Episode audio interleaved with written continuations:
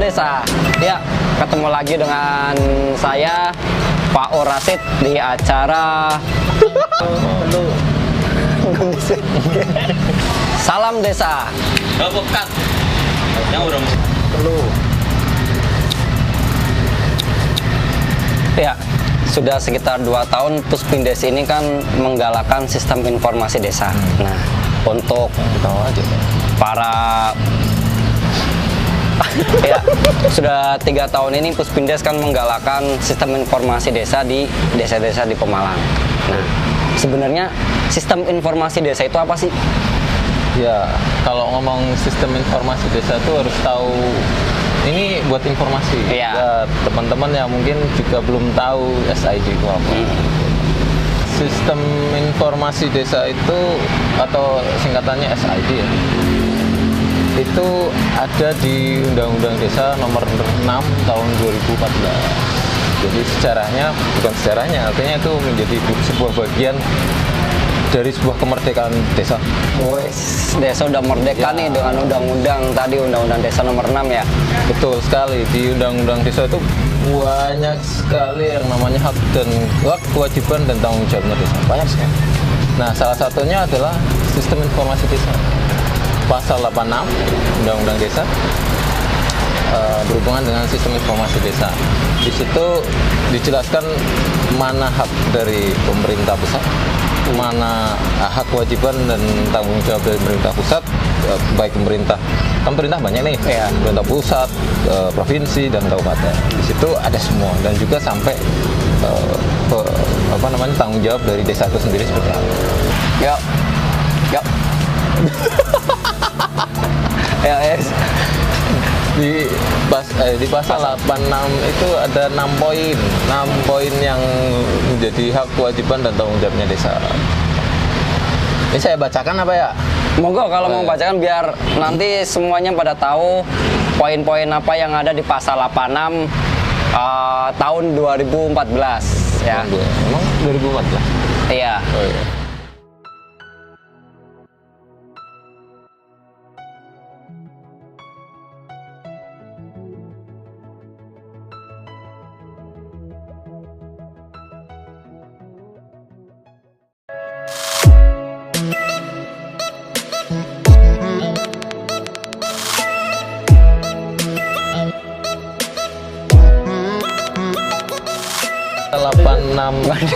pateni ya mohon. Iya.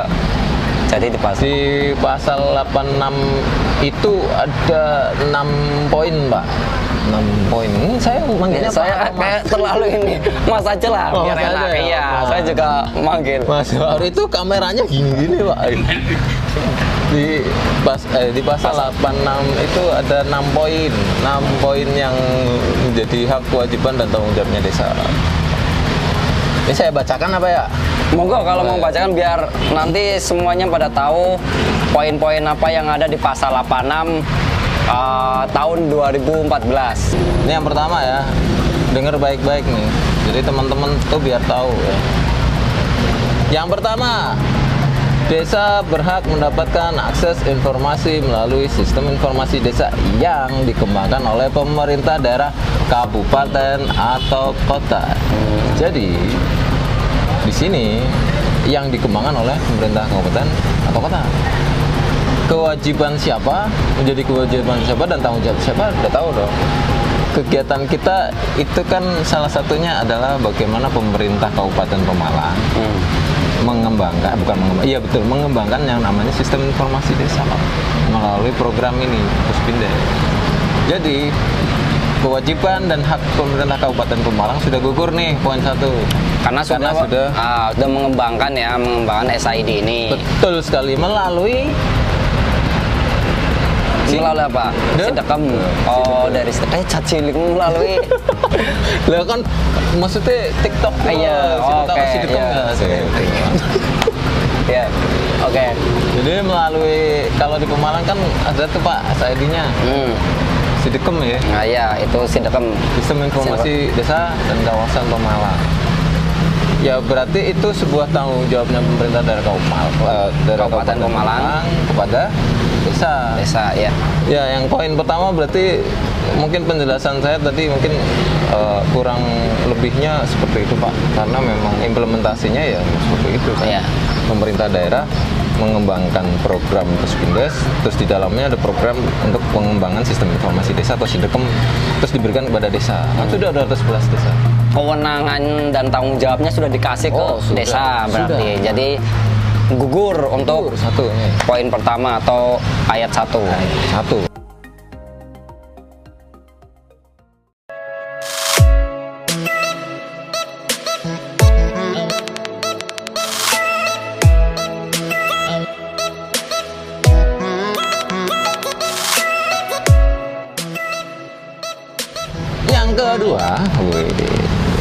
Pemerintah dan pemerintah daerah wajib mengembangkan sistem informasi desa dan pembangunan kawasan pedesaan. Jadi yang pertama itu tadi kan di sini sebutkan pemerintah dan pemerintah daerah.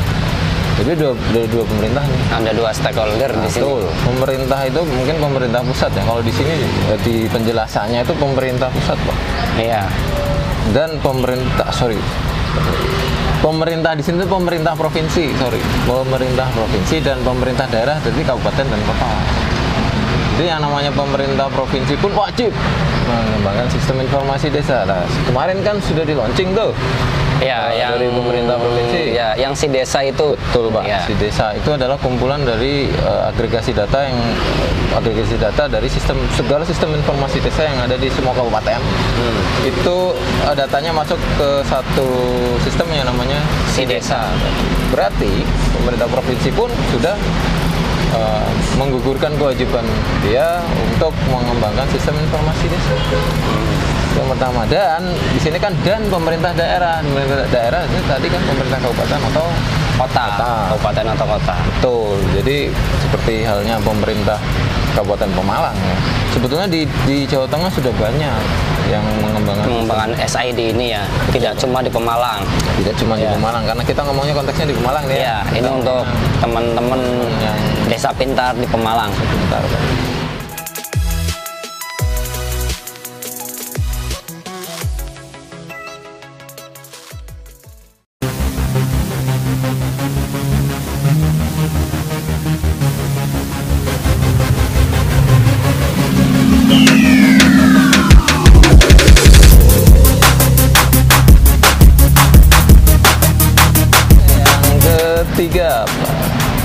Sistem informasi desa sebagaimana dimaksud ayat 2 meliputi fasilitas perangkat keras, lunak, jaringan serta sumber daya manusia. Oke, pertama ya Pak, kita Ya. bahas satu-satu karena ada empat poin tadi. Yang pertama itu ada perangkat, Perangkat keras. Nah, itu berapa apa nih Bang, perangkat keras yang dibutuhkan untuk Itu desa?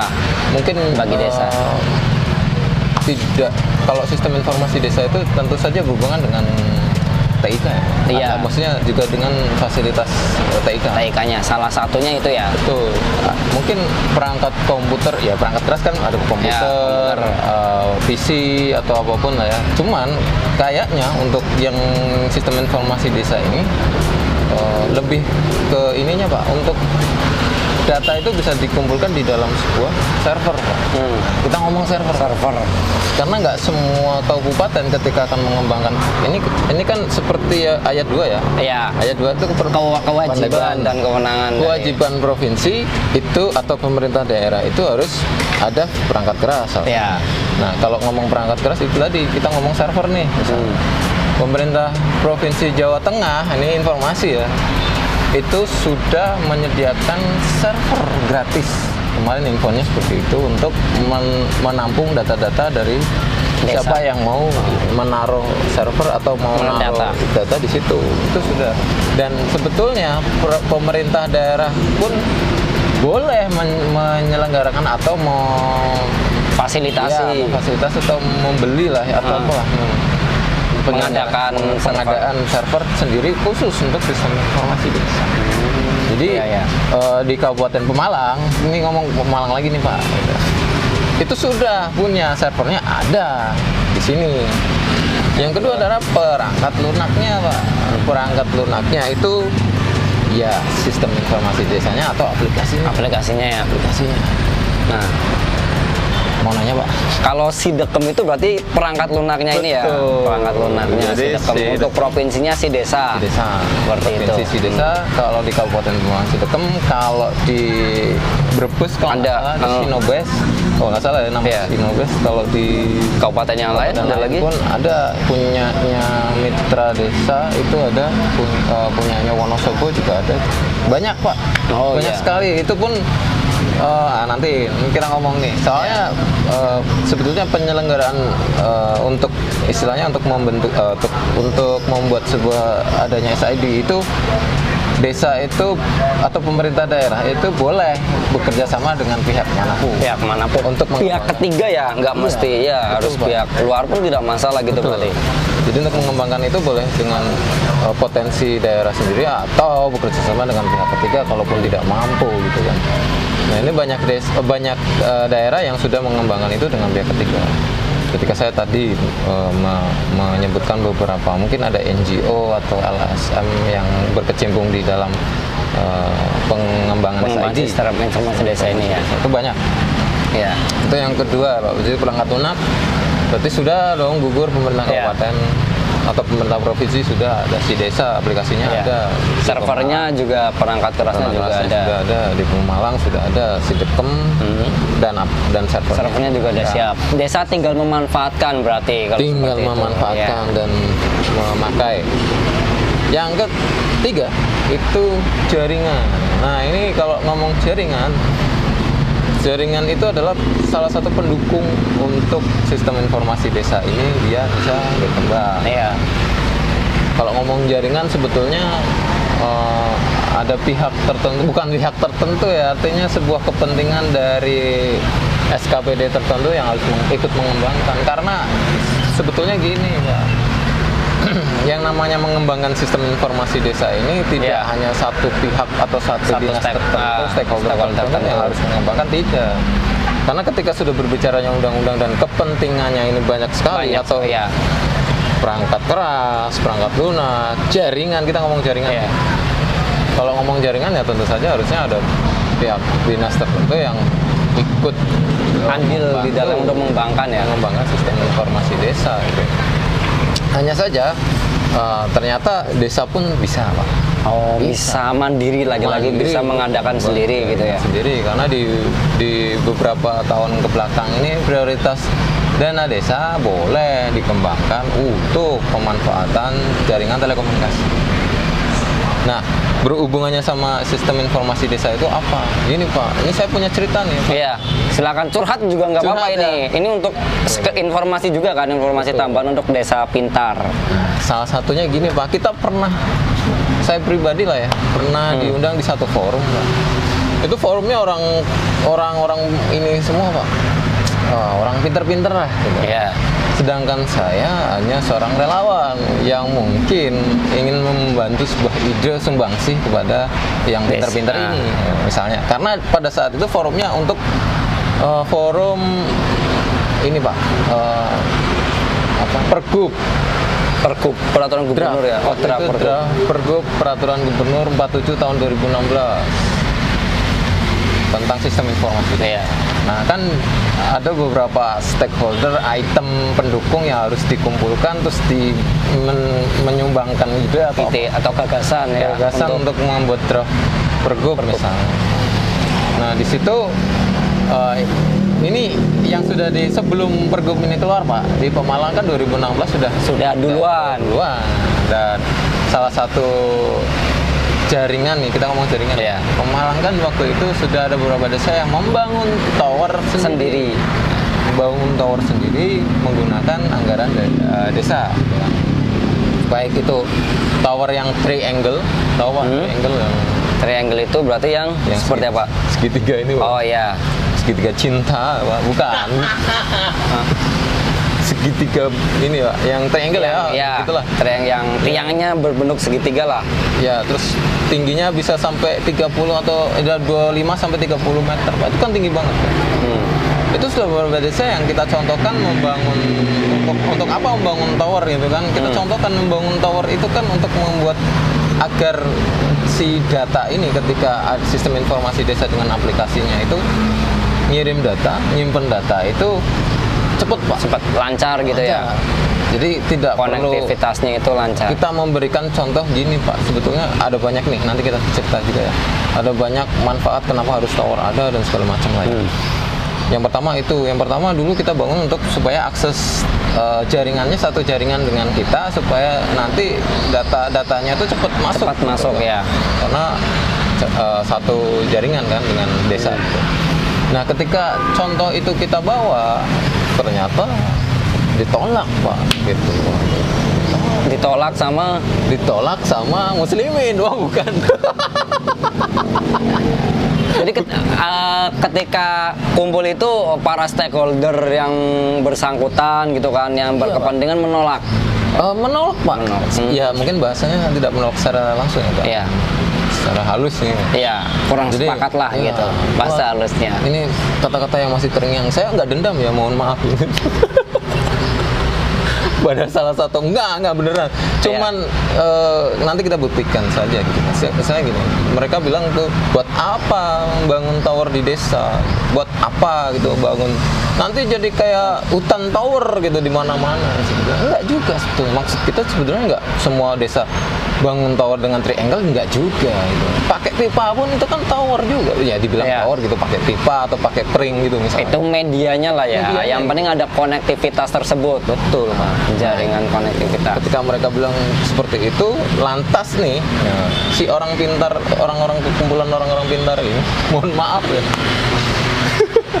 Iya nggak apa-apa. Iya, nggak Kita di sini kan ya, Pak. enak Iya, belak-belakan. ngomongnya. Yang penting mencerdaskan teman-teman desa karena kita adalah desa pintar. Betul, Pak. Tidak masalah. Kenapa harus ada ide?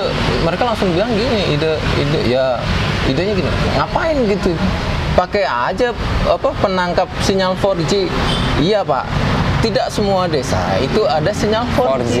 Itu. Ya. Dia nggak tahu lapangan berarti. Iya. Mohon maaf pak, kita yang Cuma tahu. di ruangan berarti. Iya. nggak nggak pernah ke daerah yang terisolasi dari jaringan kayak nampaknya. Kenapa harus? Ah, lucunya yang ngomong itu orang jaringan, maksudnya orang telekomunikasi. Kayak orang telekomunikasi kan cuma di kantor berarti, cuma di Mungkin, ruangan saya doang. Kenapa gitu kan. harus ada ide seperti itu muncul dari mulut seorang yang mohon maaf, mungkin pintar dia. Kenapa harus seperti itu gitu? Hmm. Sedangkan kita yang di desa, waduh Pak jaringan nggak banyak Pak di sana, Iya. boro-boro gitu kan istilahnya. 4G itu, 3G atau 2G pun belum tentu ada gitu. Jaringan internet aja belum tentu ada gitu ya. ada lah bisa.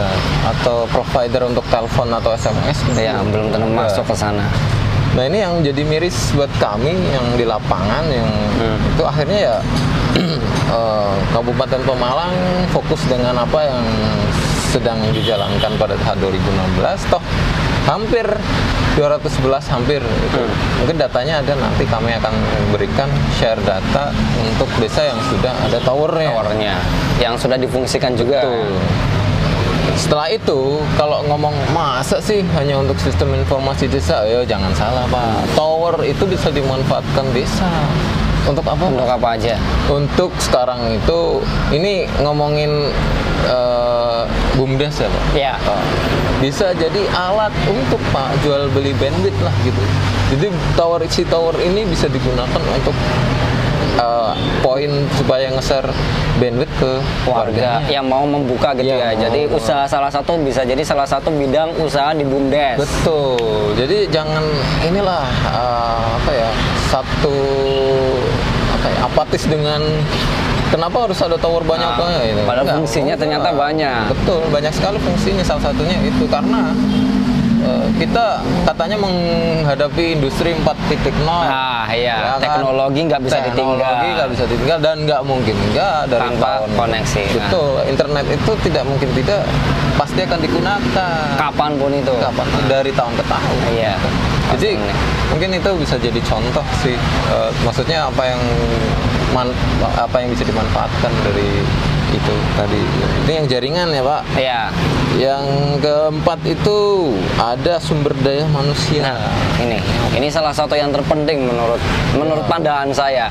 Itu menurut pandangan Mas Gatot gimana ini untuk SDM? Nah ini SDM yang harus eh, ini kewajiban pemerintah daerah ya. Iya. Nah ini Pak. Kalau di ngomongin di 2016 nih Hmm.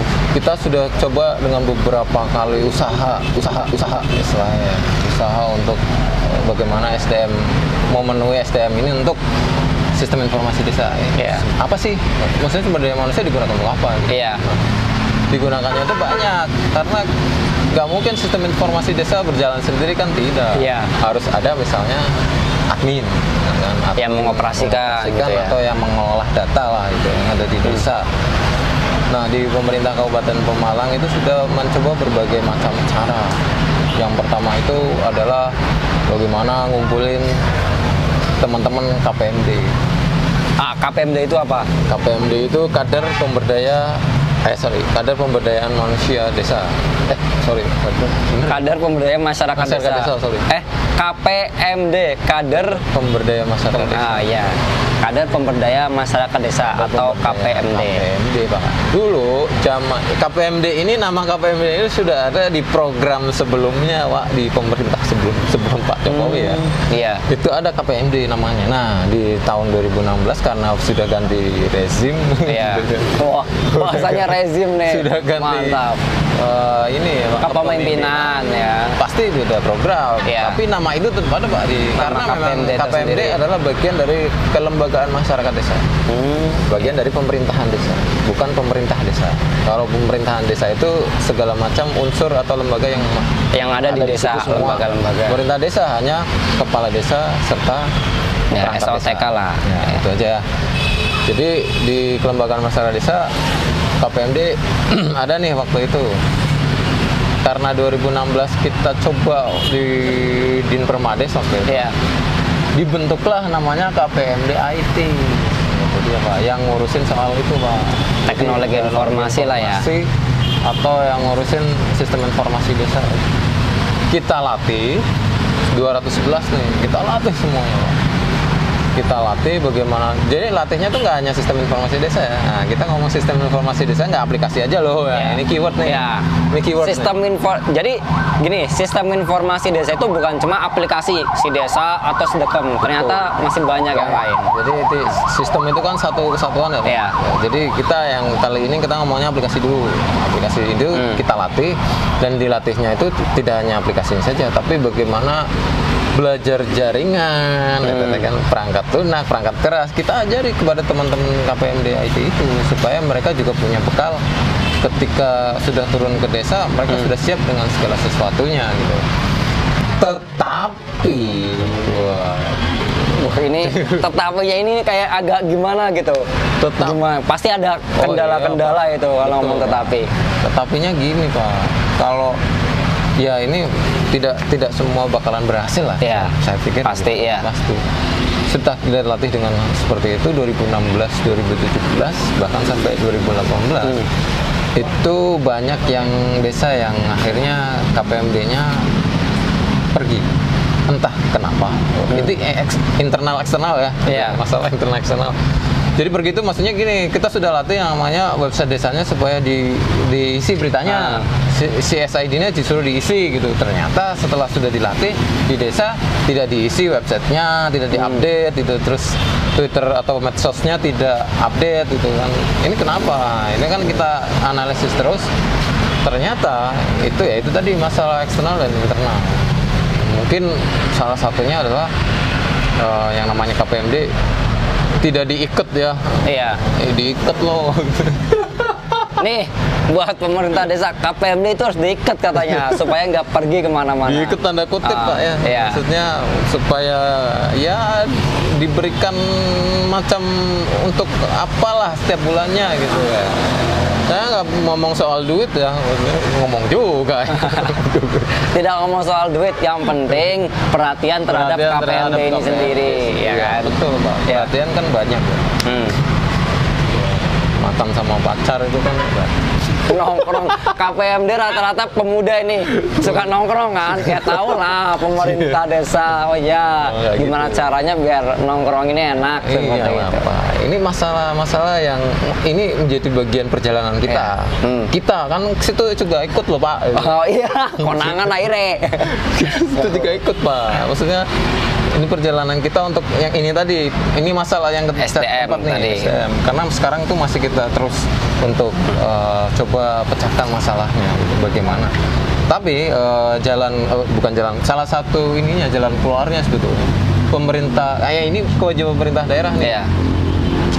setelah ada prioritas dana desa untuk dua 2000, tahun nah, 2017, 18, 18, sekarang 19 Nah, untuk pembiayaan mem- istilahnya untuk membayari KPMD itu supaya atau admin lah ya kita Hmm. ngomongnya admin untuk supaya bisa mengolah sistem informasi desa entah itu websitenya entah Hmm. itu twitternya entah itu aplikasinya itu semua boleh pakai dana desa Hmm. boleh pak di, di- ya dibayar pakai itu cuman ternyata pemerintah daerah di Kabupaten Pemalang pun sudah uh, bukan mewajibkan mereferensikan Mereferensi. sebuah uh, rencana anggaran biaya untuk itu tadi supaya dana desa di ah betul pak di admin gitu ya? Kayak bayar admin. Itu mungkin nanti bisa di menjadi sebuah referensi teman-teman desa supaya oh ternyata bisa ya bisa. Karena banyak desa yang gini lah kalau saya mau bayar orang itu pakai duit apa ah iya Kan? bingung gitu Bingung. Nah sekarang sudah ada prioritasnya, jadi jangan bingung-bingung dong. Ah. Yang itu yang menjadi PR kita kita ya Pak, Iya. kita bersama semuanya. semuanya warga desa Kabupaten Pemalang ya. Pemalang, ya. Kebetulan saya di kelurahan Pak. Orang jadi, kelurahan. ya, orang kelurahan. Tapi kita ngomongin desa. Oke, kita- saya tidak juga masalah. kelurahan. Ya, jadi karena Indonesia tumbuh berkembang dan menjadi hebat karena desa. Diawali dari desa. Betul. Nawacita banget ya. Nawacita ya. itu itu yang poin tiga ya mudah-mudahan menjadi penjela- penjelasan kita Ya. kalau kurang lebihnya mohon maaf kalau misalnya ada sesuatu yang mungkin saya kurang atau gimana mungkin ditambahkan di kolom komentar nanti Nah, nanti ya ya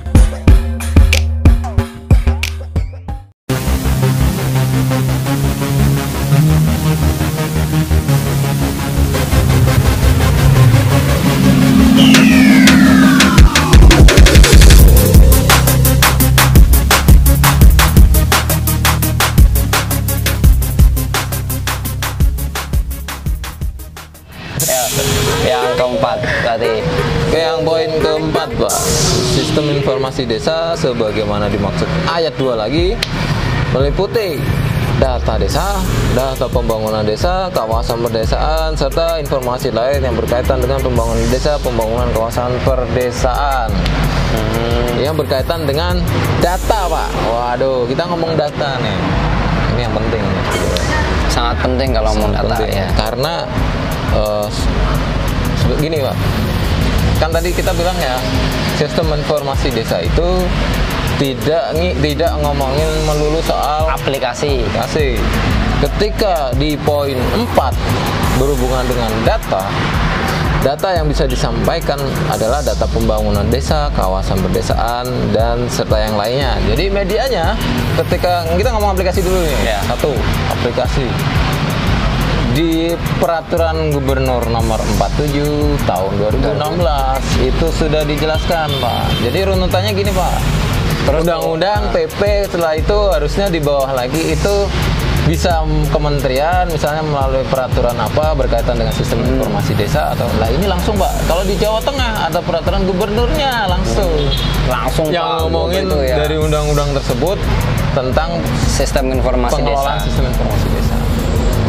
Di situ disebutkan di dalam pergubnya itu ada yang namanya eh, poin eh, data apa saja yang bisa masuk ke dalam Ya. sistem informasi desa atau aplikasinya. Kita ngomong aplikasinya ya. Ya, saya pernah baca itu kurang lebih poinnya ada 11, 12, 12. plus dan yang lain-lain Ya, yang lain. bersangkutan atau berkenaan dengan desa, Betul. kepentingan desa. Karena itu kan- kurang lebihnya. Banyak sekali yang bisa dimasukkan. Ya. Salah satu eh, bukan salah satunya salah 12-nya adalah potensi desa. Potensi ada. desa, ya. data kemiskinan ada, Nah. data kependudukan ada, data kawasan pedesaan juga ada dan lain-lain. Jadi di, di Pergub 47 tahun 2016 itu ada tentang data yang bisa masuk di dalam Bisa masuk di- aplikasi. nah.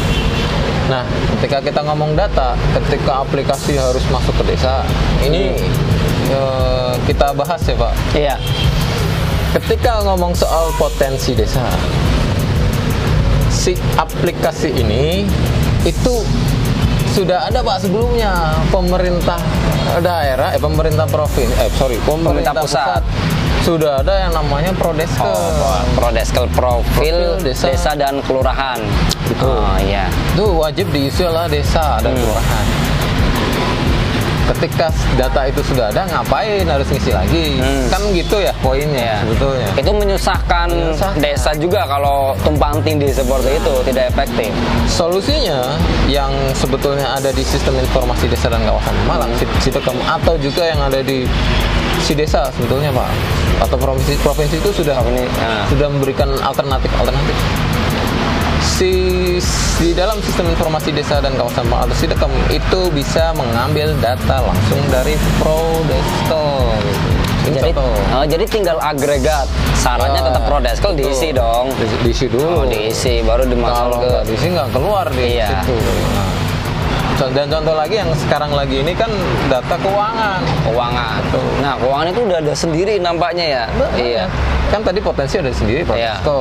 Terus Prodeskel. eh, Keuangan. keuangan sendiri ada. Sekarang di, di- mungkin di seluruh Indonesia atau di Jawa Tengah aja ya kan. Itu ada sistem keuangan sendiri. Sistem keuangan desa ya, Siskedes ya. Siskodes. Ya. Nah, itu nantinya Pak bisa Pak. Sistem keuangan itu di- ini wajib ya karena dari BPKP entah nantinya gimana ya mudah-mudahan bisa. Jadi dari data yang sudah diisi di Siskudes nanti Siskudes. bisa itu Iya, muncul di Sidekem. Jadi, ya, uh, dan sih desa, semua iya. pem- ini contoh ada beberapa kabupaten yang sudah mengonlinekan yang namanya sistem keuangan desa itu. Jadi mereka mengembangkan sendiri, terus mengonlinekan, terus bisa masuk datanya ke sistem informasi. Hmm. Sebetulnya kalau berkembangnya semakin ke sini, semakin ke sini nih. Kalau dulu sistem informasi desa SID atau aplikasinya Hmm. itu ngumpulin data di, di input satu-satu Iya. kalau sekarang perkembangannya nggak nggak input lagi nggak usah. Jadi kayak tadi Iya. ngambil data dari Agregat gitu Ah, kan. agregasi data sudah muncul di situ. Desa punya data, Iya. itu, Pak. Jadi tidak me- tidak membebani lagi desa supaya nginput lagi, nginput lagi gitu kan. Karena su- sudah ada Prodeskel Pak gitu ya. Sudah nggak usah diisi sistem informasi desanya, isi aja Prodeskelnya. Dari nanti tinggal diagregasi gitu. Iya. Karena kebanyakan pintu juga pusing desa. Ya, kasihan. Lagi-lagi mereka- buka pintu password, wah lupa pak, selesai, nggak kegarap semuanya. curhat Pak. Iya curhat. Iya, nah.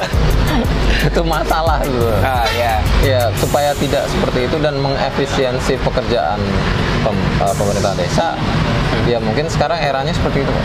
Sistem informasi dia eh, adalah agregasi kumpulan data gitu aja lah. Kumpulan data dari berbagai macam, mungkin aplikasi yang dari pemerintah pusat atau provinsi misalnya. Atau yang dikembangkan sendiri. Atau yang dikembangkan nah, sendiri. Tidak masalah. Nah, itu yang di poin 4 atau ayat 4 ya, Iya.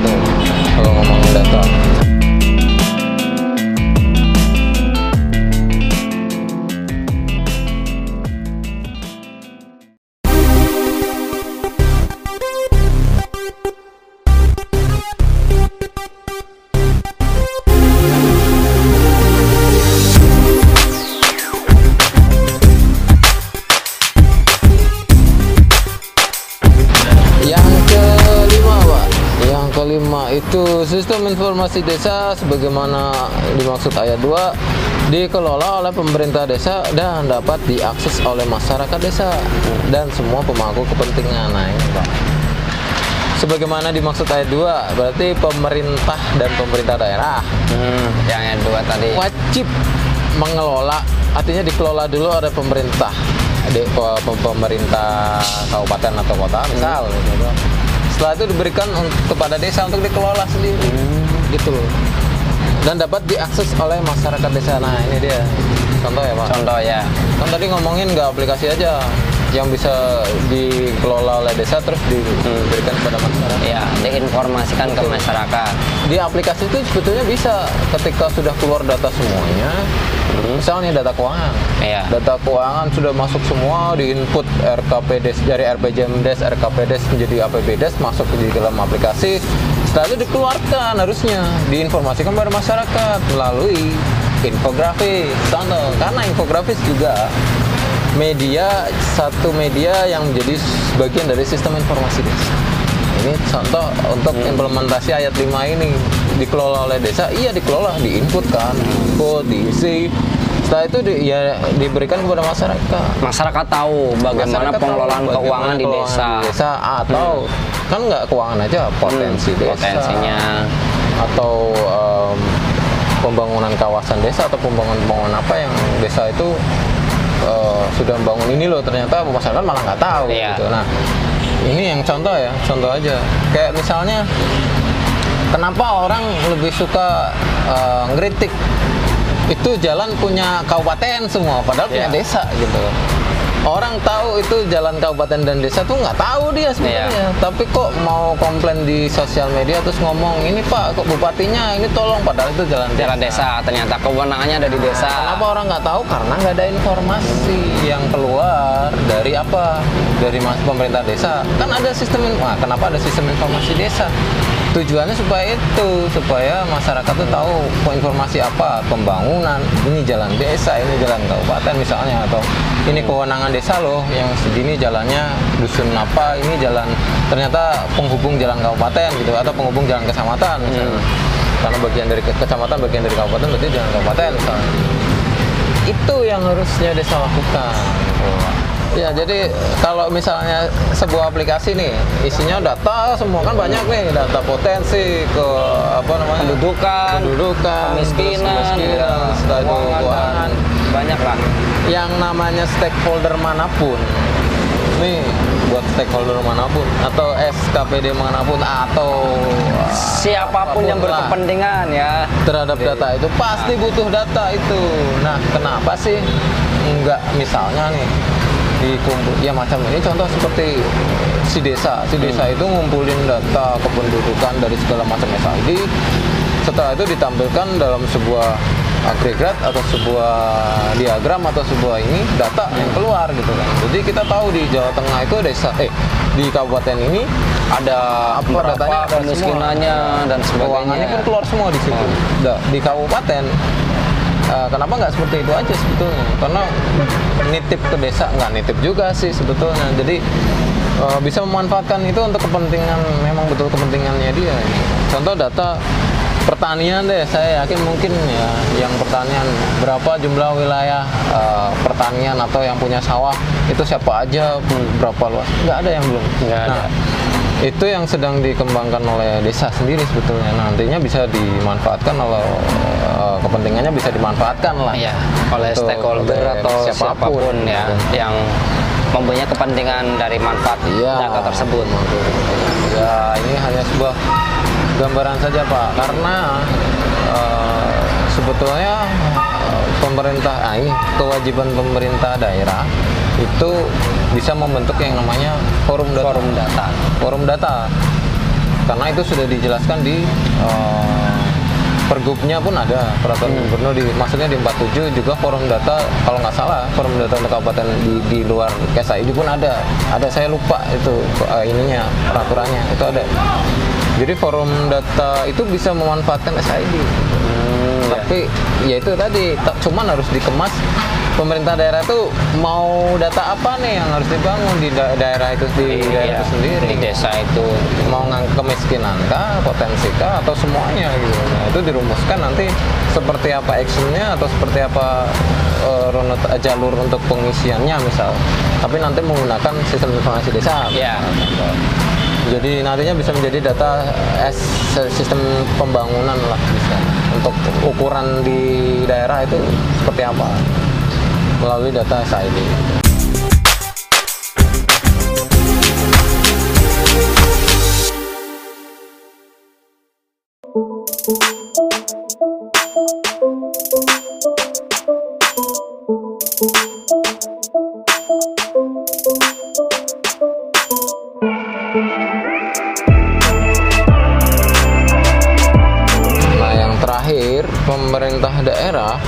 Kabupaten kota menyediakan informasi perencanaan pembangunan kabupaten untuk desa.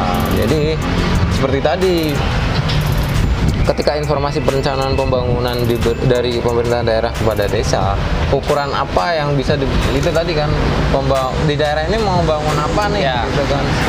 Jadi nanti ke desanya kan ya tentu saja kalau ngukur pembangunan di suatu daerah harus melihat bawah. kan. Iya, Lihat kondisinya kondisi. seperti apa, Ah, ya kan? kemiskinannya seperti apa, Iya. potensinya seperti apa. Nah, yang poin 6 ini mungkin nyambungnya tadi yang seperti Poin lima. Poin 5.